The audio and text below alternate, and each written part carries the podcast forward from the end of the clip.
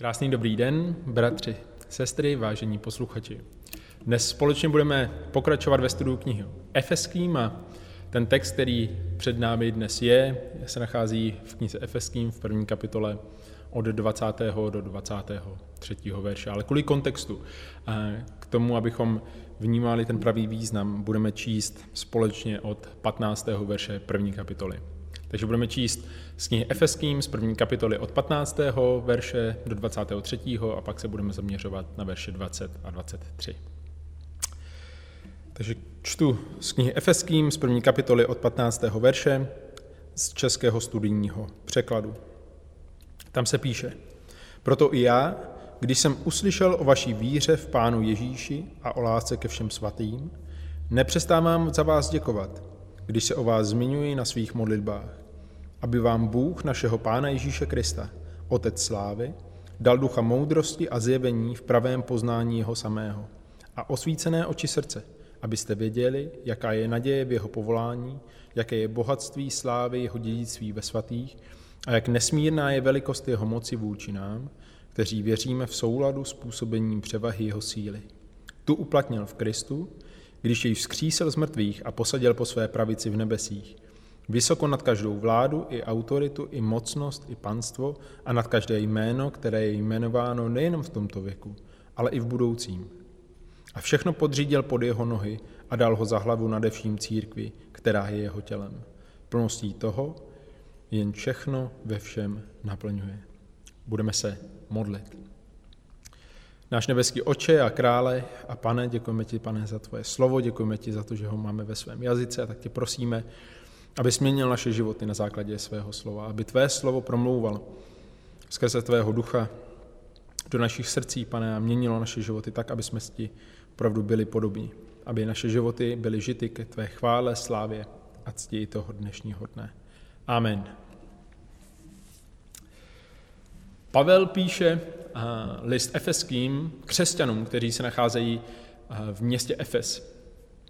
Město Efes bylo hlavním městem v provincii, která se jmenovala Ázie. A Pavel jim píše kvůli tomu, aby je pozbudil, aby je pozbudil v jejich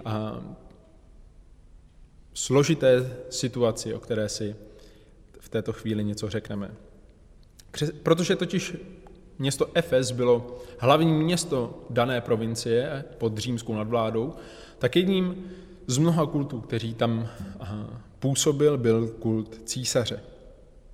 A kromě kultu císaře, eh, město Efes bylo známé také uctíváním Artemis nebo Diany. A my vidíme a víme ze knihy skutků, že Pavel kvůli eh, evangelium byl právě eh, těmi, kteří měli bohatství nebo se obohacovali na tom chrámu Artemis potíže v Efezu. A tak když křesťané žili v, tomhle, v tomto městě, kde bylo mnoho kultů, v tomto městě, kde bylo mnoho božstev, které se museli uctívat a v tomto městě, kde prostituce a chrámová prostituce byla na denním pořádku jako součást uctívání, tak se ptali, jak máme žít v tomto světě, jak máme žít v této společnosti tak, aby jsme byli světlo, tak, aby jsme byli sůl. Jak máme jinými slovy žít v této bezbožné společnosti? A tak jim Pavel píše. Píše jim, aby je ujistil eh, o mnoha věcech. A my jsme některé z nich už viděli na začátku té první kapitoly, kde je Pavel ujišťuje o vyvolení, o tom, že Bůh si je vybral, o tom, že Bůh je zachránil pro svoji slávu, o, o tom bohatství vykoupení, které mají, o tom dědictví, eh, které dostali od pána, o tom zapečetění duchem, eh, které jim nikdo nemůže vzít. A od toho 15. verše se za něj Pavel modlí a píše jim o té boží moci. O té boží moci, která je zachránila a modlí se, aby ji viděli, aby nad ní mohli žasnout. A to je má touha i dnešního dne, aby jsme společně mohli žasnout nad tou boží mocí, kterou jsme byli spaseni, my stejně jako křesťani, kteří byli v Efezu. A ta hlavní myšlenka toho dnešního dne, toho textu, který máme před sebou, věřím, a je tato. A pokud si nezapamatujete nic jiného z toho dnešního kázání, tak si zapamatujte prosím toto. Boží převaha, moc i síla jsou nejvíce vidět na Kristu. Když přemýšlíme o Boží převaze, o jeho síle, o jeho moci, tak to, kde je nejvíc vidíme, jsou právě v Pánu Ježíši Kristu. A my si ukážeme tři oblasti, ve kterých Bůh ukazuje v Kristu tuto převahu. Ta první oblast, kterou nacházíme ve verši 20, je boží převaha nad smrtí. Už jsme si říkali, že Pavel se modlí za efeské. Děkuje za ně. A prosí, aby kvůli své situaci, o které jsme už eh, mluvili, byli od Boha naplněni duchem svatým. To vidíme eh, ve verši 17. A nejen, aby byli eh, naplněni duchem svatým, ale by, ale by byli naplněni duchem moudrosti a, a pravého božího poznání, aby poznali Boha takového, jaký je. A aby dostali oči, které, které opravdu vidí, které se dívají nejenom na to, co je, co je před nimi, ale které vidí to, jaký Bůh je. Aby viděli tu naději, kterou mají ve vyvolení, aby viděli to bohatství, které dostali v tom dědictví, které dostali spolu s Kristem, a velikost boží moci. A my se dneska zaměříme na, ten, na tu poslední část. Všimněme si, eh, že v těchto verších Pavel nemluví o tom, že by boží moc a její působení bylo dáno úplně všem lidem. Nebo že by boží moc byla stejně velká vůči všem. Ale ke komu Pavel píše? Verš 19 to říká. A tak, a jak nesmírná je velikost jeho moci vůči nám, kteří věříme v souladu s působením převahy jeho síly. Pavel mluví o té nesmírné boží moci a to, co to slovo znamená, je uh, moc, která nemá hranice. Je to moc, která opravdu není ohraničená ničím jiným. A tato boží moc působí vůči těm, kteří, všimněte si v tom verši 19, věří. A my uvidíme, že to je logické, že? A jak by boží moc nad smrtí mohla působit vůči těm, kteří nevěří ve vzkříšení, nebo kteří nevěří ve vzkříšení Pána Ježíše Krista. Jak by velikost boží moci vůči autoritám nebo nad autoritami mohla být aplikovatelná vůči těm, nebo aplikovaná vůči těm, kteří nevěří v boží autoritu a kteří jsou si sami sobě autoritou. A jak by boží autorita nad církví mohla být tak nesmírná, bez hranic, vůči těm, kteří do boží církve nepatří. A tak, bratři a sestry, Pavel píše křesťanům v Efezu a také nám dnes, aby nás pozbudil. Aby, spole, aby jsme společně s ním a s těmi křesťany, kteří jsou v Efezu, viděli tu nesmírnost a převahu boží moci. A tak, aby nás pozbudil ke zbožnému životu. A my vidíme tedy ty tři oblasti, kde Bůh tu svoji nesmírnou moc vůči nám věřícím ukazuje v Kristu. A tak ten první bod je, že Bůh ukazuje tu svoji převahu nad smrtí. Verš 20. Tu uplatnil v Kristu. Jak jsme řekli, tu odkazuje zpět na verš 19 a mluví o té boží moci. Je to tedy zájméno ukazovací, kde boží převaha a moc a síla jsou aplikovatelné v Kristu, nebo jsou aplikované. Takže pokud chceme vidět tu boží moc, pokud chceme vidět tu boží sílu, pokud chceme vidět tu převahu, tak se musíme podívat na Kriste. A otázka je, kde? Kde se máme podívat na Kristy? Na začátku jeho služby? Nebo uprostřed? Nebo na kříži? Ne, my tu boží moc, o které tady Pavel mluví, vidíme ve vzkříšení. Protože boží moc a autorita nad smrtí jsou nejvíce vidět v Kristově vzkříšení. A nejen boží moc a autorita nad smrtí, ale také boží moc a autorita nad hříchem, protože smrt je důsledkem hříchu. Jak říká Římanům 5.12. Proto jako skrze jednoho člověka vešel do světa hřích a skrze hřích smrt, tak, také smrt, tak se také smrt rozšířila na všechny lidi, protože všichni zřešili. A tak, jak všichni zřešili, tak se stejně tak na všechny rozšířila smrt. A když přemýšlíme o boží autoritě nad smrtí a jeho autoritě nad hříchem taky nejlépe a nejvíce vidíme právě na Kristovi vzkříšení. Protože Kristus nikdy nezřešil. A jeho smrt nebyla důsledkem jeho hříchu, ale našich hříchů. A tak, když Bůh vzkřísil Krista, tak zjevně ukázal, že porazil smrt. A protože porazil smrt, tak porazil i hřích. A tím, že Bůh vzkřísil Krista, tak je zjevně ukázána ta jeho autorita. A to pro nás věřící přináší, a to je pro nás věřící naděje a radost. Protože když byl vzkříšen Kristus, k životu i my můžeme být k životu vzkříšení.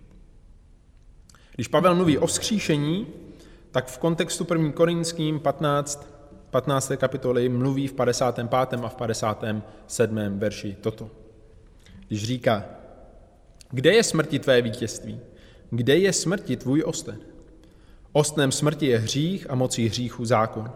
Budíš dík Bohu, který nám dává vítězství skrze našeho Pána Ježíše Krista. Tak se Pavel v prvním listu korinským myšlenkově zabývá nad smrtí a ptá se tu otázku, kde je smrti tvé vítězství? A odpovídá si, není. V Kristu není. Proč? Protože Kristus zaplatil za ty hříchy. A protože Kristus zaplatil za naše hříchy na kříži, tak smrt nad námi už nemůže pánovat. Už nad námi nemá žádnou moc. Už nás nemůže odloučit od boží přítomnosti. A proč nás tedy smrt nemůže odloučit od boží přítomnosti? Aspoň ne ty, kteří věří. Právě proto, že Kristus byl vzkříšen. A proto ve stejné kapitole v prvním listu korinským Pavel dává také varování.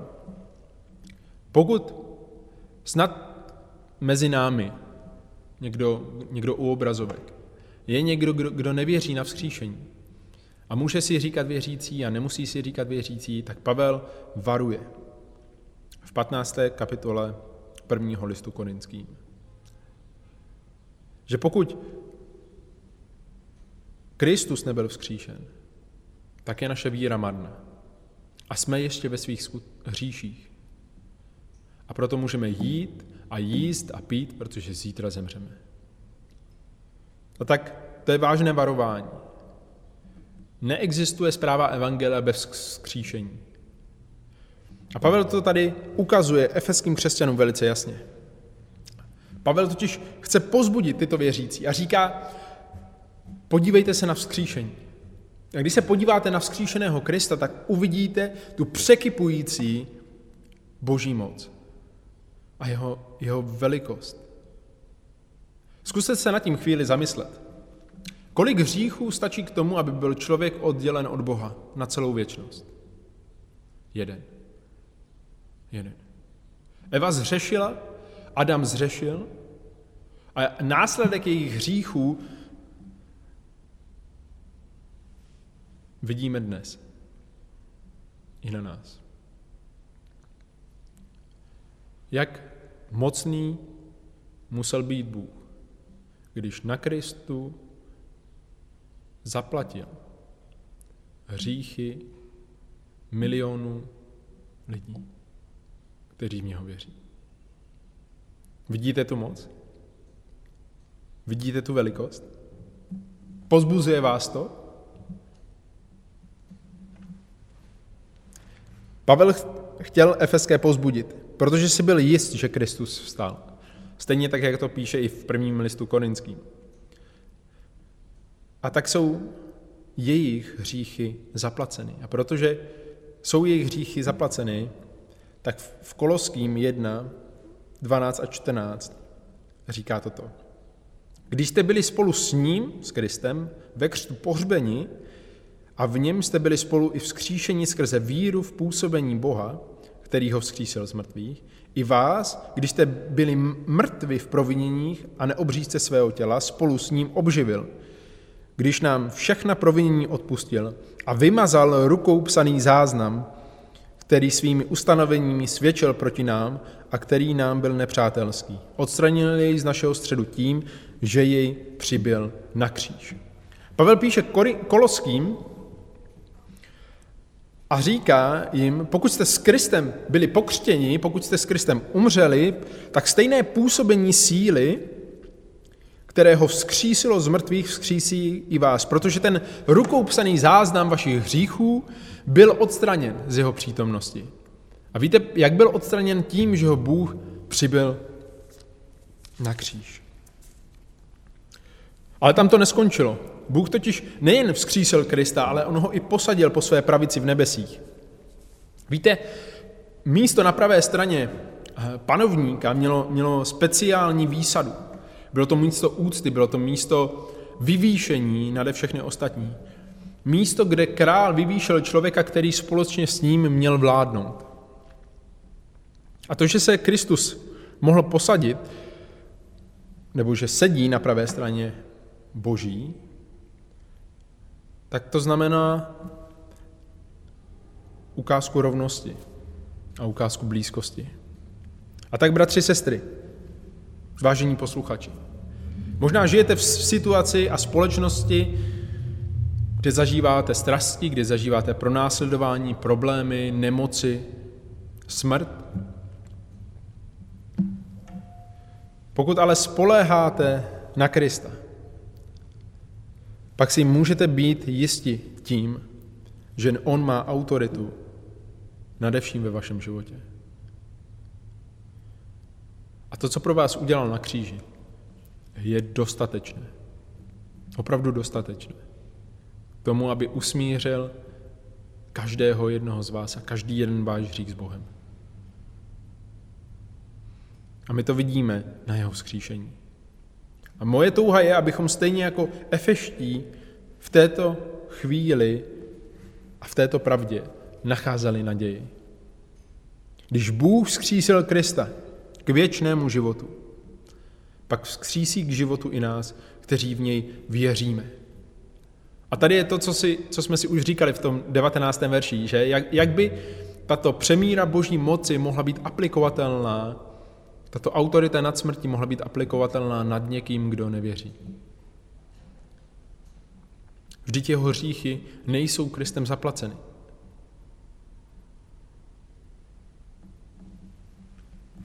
A tak vzkříšení je zaslíbení. Je zaslíbení Boha, který nemůže lhát. A tak věřím, že v našich srdcích společně s Pavlem můžeme vyznávat to, co píše Pavel do, Efes, eh, do Filip, že? Do první kapitoly. V první kapitole 20. a 21. verši, kde se píše, toužebně očekávám a doufám, že v ničem nebudu zahamben. Ale se vší otevřeností, jako vždycky, i nyní bude Kristus zveleben na mém těle, ať životem, ať smrtí. Vždyť žít pro mne znamená Kristus a zemřít zisk. Je tohle tvoje modlitba? Je tohle to, co ty vyznáváš? Je pro tebe Kristus život? Pak smrt je zisk. Protože smrt tělesná tě přivede do věčného obecenství s Bohem.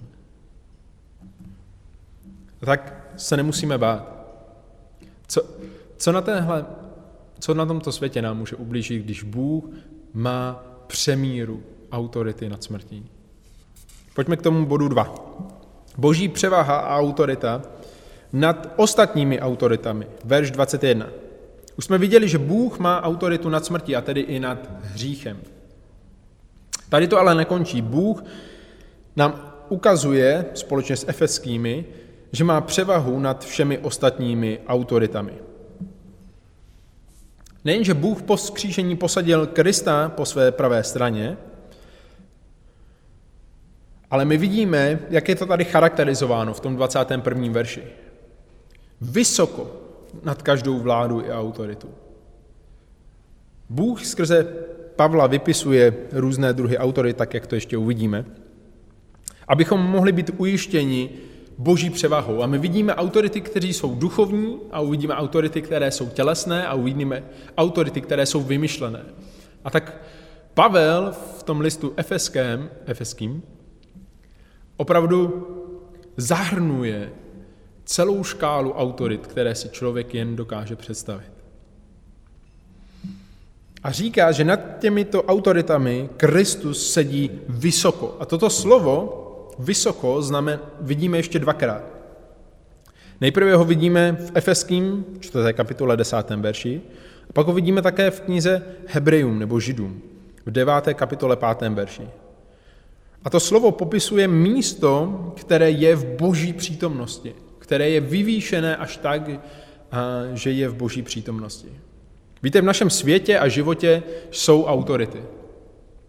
A my si ukážeme, že Bůh nám dává specifické příkazy, jak se k těmto autoritám máme chovat a jak k ním máme mít úctu. Ale jsou v našem životě autority.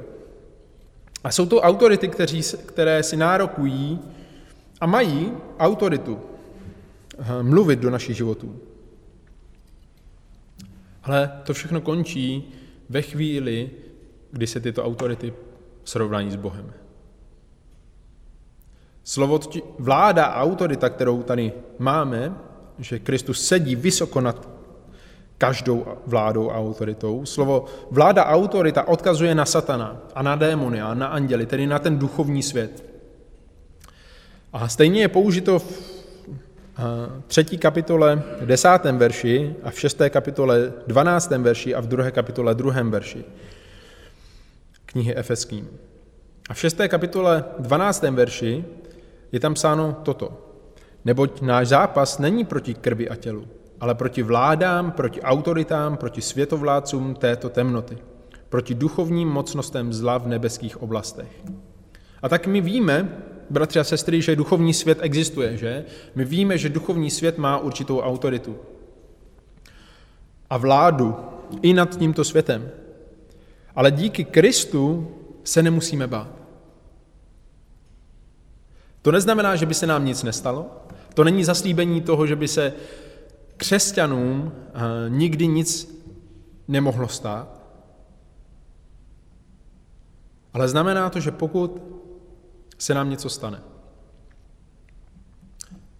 tak je to v rámci toho božího plánu vůči nám.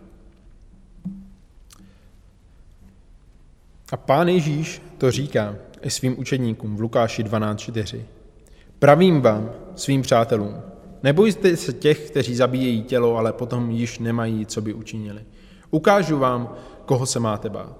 Bojte se toho, který má pravomoc vás po zabití uvrhnout do geheny. Ano, pravím vám, toho se bojte. Bratři a sestry, to není Satan. Satan po tom, co nám může, ač nám může udělat něco tady na té zemi, tak nás nemůže uvrhnout do gehny. Tu autoritu nemá. Ale já se ptám, kdo jí má. Jedině Bůh. Jedině Bůh. A to vidíme, že? Protože on sedí vysoko nad každou vládou i autoritou.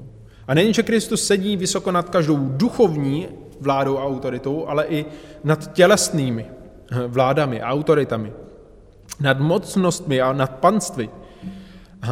To slovo mocnost doslova znamená sílu nebo moc, jinými slovy cokoliv má sílu a moc v tomto světě.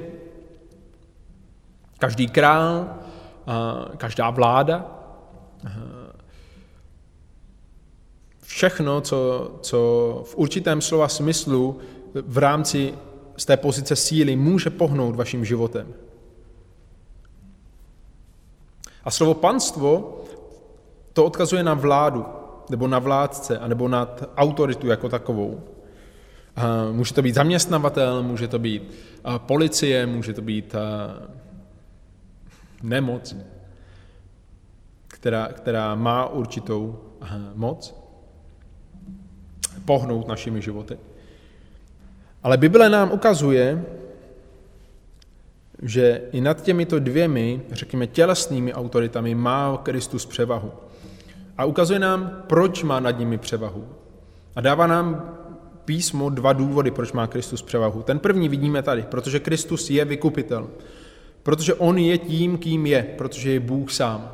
A protože on je ten, který byl vzkříšen a sedí na, na pravici Boží, proto má autoritu i nad těmito věcmi. A ten druhý důvod, proč má Kristus autoritu nad těmito věcmi, se nachází v knize Koloským v první kapitole 16. verši. Tam se píše, neboť v něm byly stvořeny všechny, všechno na nebesích i na zemi, věci viditelné i neviditelné, ať trůny nebo panstva, vlády nebo autority. Všechno je stvořeno skrze něho a pro něho. Všimněme si, že Pavel píše do Kolos a říká, skrze Krista byly stvořeny všechny vlády a všechny panstva a všechny autority. A také nejen, že Kristus má nad nimi moc eh, z té pozice vykupitele, ale má nad nimi moc i z té pozice stvořitele. A tak se zamysleme, jak směšné eh, muselo být, když Satan nabízel všechnu, všechnu slávu všech autorit a všech, všech panstev na tomto světě Kristu. Když to byl právě on, který to stvořil. A tak nejen, že Kristus má eh, moc nad těmi duchovními autoritami, nejen, že Kristus má moc nad těmi fyzickými nebo tělesnými autoritami, ale Kristus má pravomoc i nad těmi eh, vymyšlenými autoritami. Podívejte se se mnou dál do toho verše. A nad každým jménem, které je jmenováno nejen v tomto věku, ale i v budoucím. A význam těchto slov odkazuje na, na falešné bohy a modly. Doslova na každé jméno, na, ke kterému se volá, eh, nebo které se vzývá, chcete-li.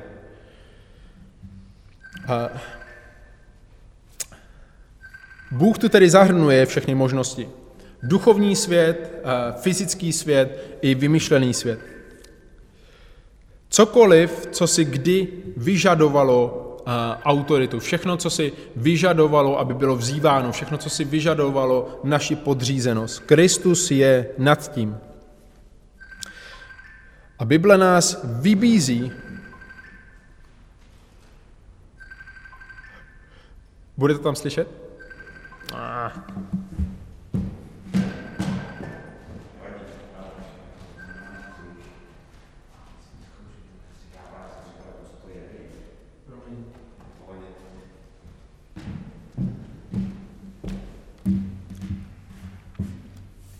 Dáme tenhle poslední bod ještě jednou, jo?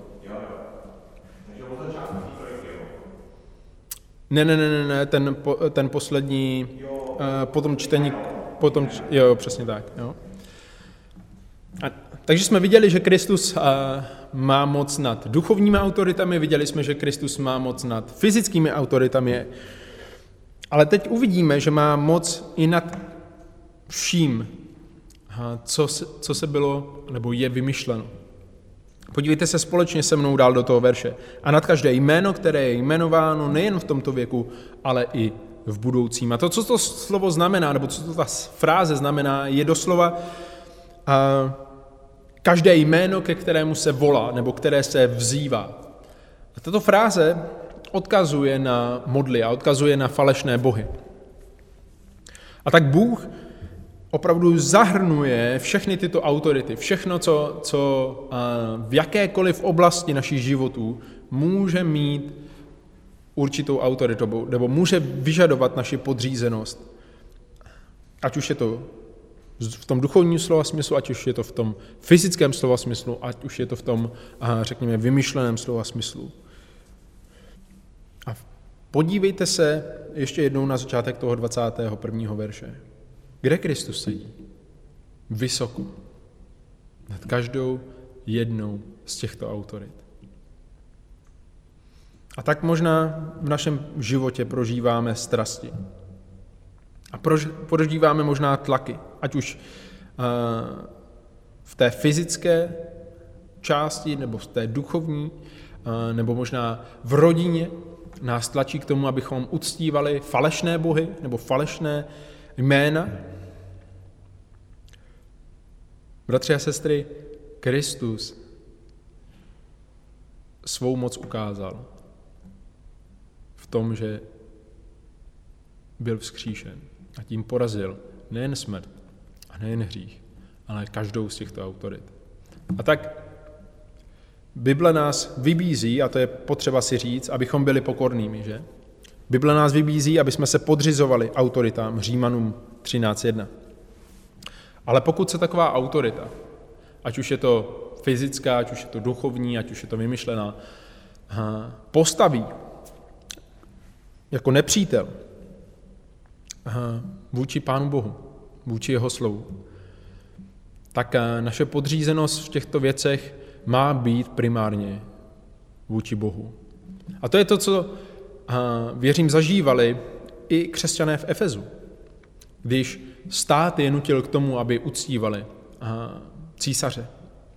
Když společnost na ně tlačila k tomu, aby uctívali Dianu nebo Artemis, chcete-li. A když je jejich rodiny tlačili k těmto věcem. Co uctíváme my? Jaké autority my máme v našich životech? Jsou to peníze? Je to rodina? A úspěch? Školy? A tolerance?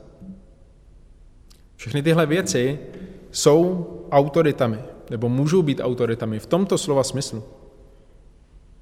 A tak pokud zápasíme s nějakou z těchto autorit, tak si musíme říct, stejně jako křesťané v Efezu, že Kristus je nad tím. A že je to On, který sedí vysoko. A jeho je potřeba poslouchat. A nikoho jiného. Na prvním místě. Pojďme k tomu třetímu a poslednímu bodu. Boží autorita nad církví, nebo převaha nad církví, verše 22 až 23. Už jsme viděli, že Bůh má autoritu nad smrtí, nad hříchem, že Bůh má autoritu nad jakoukoliv jinou autoritou, která si vyžaduje naši podřízenost. A teď uvidíme, že Bůh má autoritu i nad církví. A celý náš text nás myšlenkově odkazuje do žalmu, do žalmu 110.1, kde se píše výrok hospodina mému pánu. Usedni po mé pravici, dokud nepoložím tvé nepřátele za podnož tvých nohou. A my vidíme, že tento text je několikrát citován během celého Nového zákona, ať už v evangelích, ať už v knize Hebrejům, ať už na tomto místě. A tady se musíme v tom 22. verši na chvíli zastavit. Stejně jako jsme si říkali, že ta nezměrnost boží moci je aplikovatelná nebo je aplikovaná vůči těm, kteří věří a jenom těm, kteří věří, z těch logických důvodů, které jsme si uváděli, tak zde máme další varování. Bible totiž nemluví o božích nepřátelích, jenom pouze jako o mocnostech nebo pouze jako autoritách, o kterých jsme mluvili v tom minulém bodu. Ale Bible mluví o každém člověku, který nevěří v Pána Ježíše Krista jako o božím nepříteli. A možná teďka sedíš u obrazovky a díváš se na toto video a nevěříš Pána Ježíše Krista. A tak ta, ta pravda, kterou o tobě říká písmo, je, že jsi božím nepřítelem. A my vidíme a máme tady zaslíbení, že Bůh každého jednoho nepřítele Pána Ježíše Krista podřídí za podnož jeho nohou.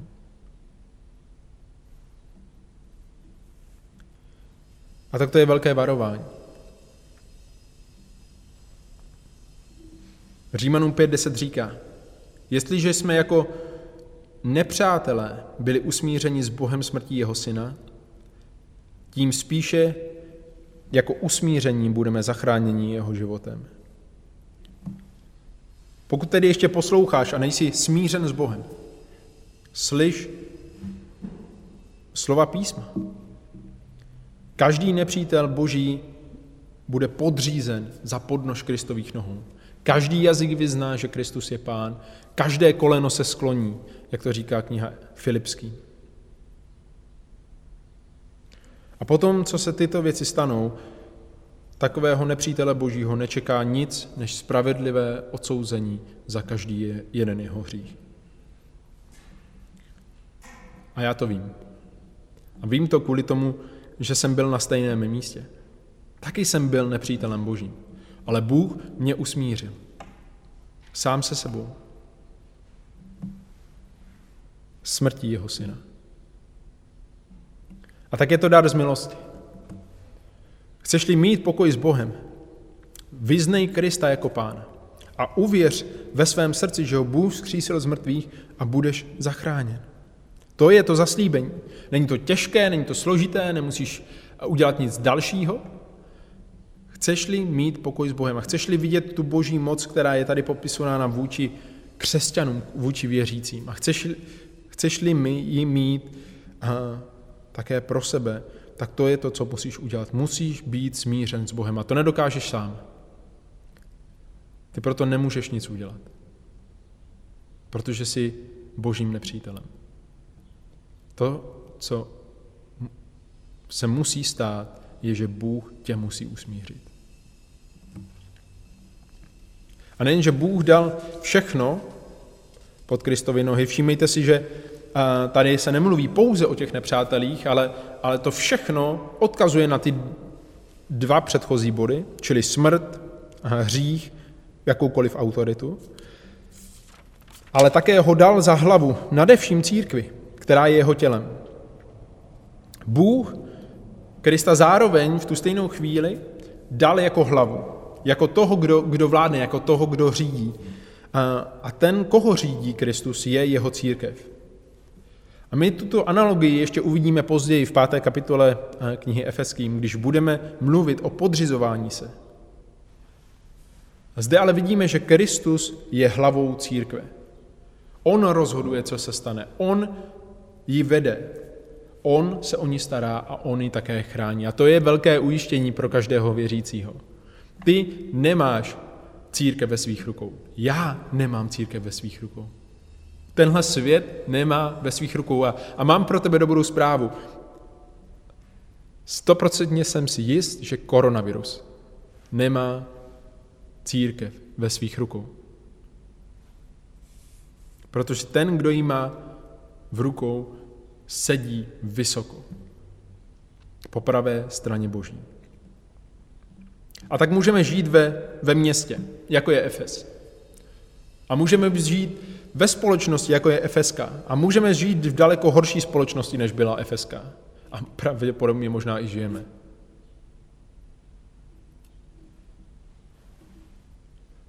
A možná se ptáme, jak máme žít v této bezbožné společnosti. A tak, a tak nám Pavel dává odpověď. Musíte vidět, kdo je Kristus. Musíte ho znát a musíte vidět tu jeho moc ve vašich vlastních životech. A na základě této moci vy musíte žít vůči autoritám, vůči hříchu, ale i vůči církvi. Bůh nás volá k zodpovědnosti, ale hlavně také k poslušnosti. Nezáleží na mých nápadech, jak by církev měla vypadat, nezáleží na tvých nápadech, jak by církev vypadat. Jediné na to, na to, na čem záleží, je to, jak Bůh říká, že chce, aby jeho církev vypadala.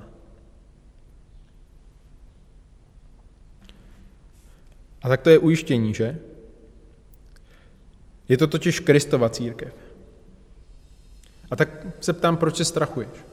Můžeš svým strachem dodat ke svému životu jediný den? Ano, máš být moudrý. Ano, máš se chovat rozumně. Ano, máš dělat všechno pro to, abys mohl být světlem a solí. Ale nemusíš se bát.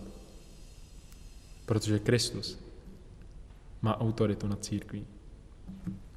A pokud je čas jít domů, tak je čas jít domů.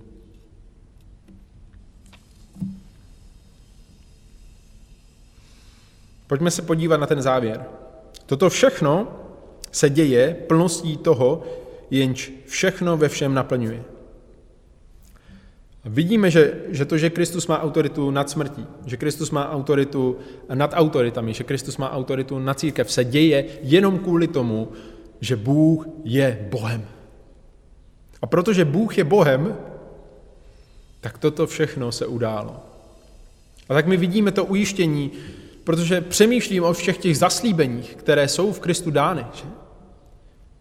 Protože je Bůh takový, jaký je, a protože se nám zjevil v písmu a protože se nám dal poznat takový, jaký je, tak ho my můžeme znát. A protože nám zaslíbil, že můžeme žít s Kristem, protože on ho vzkřísil, i my můžeme žít. On má autoritu nad smrtí, on má autoritu nad hříchem, nade vším ostatním. I nad tvým životem. A tak, boží člověče, žij na základě těchto pravd. Nestačí je slyšet. Rozímej nad nimi. Přemýšlej. Ať budeš kdekoliv. Ať budeš vstávat, ať budeš vycházet, ať budeš vcházet, ať budeš sedět, ať budeš dělat cokoliv. Přemýšlej. Jak na základě těchto pravd žít. A Bůh dá milost. A buď poslušný Božímu slovu. A žij pro jeho slávu. Amen.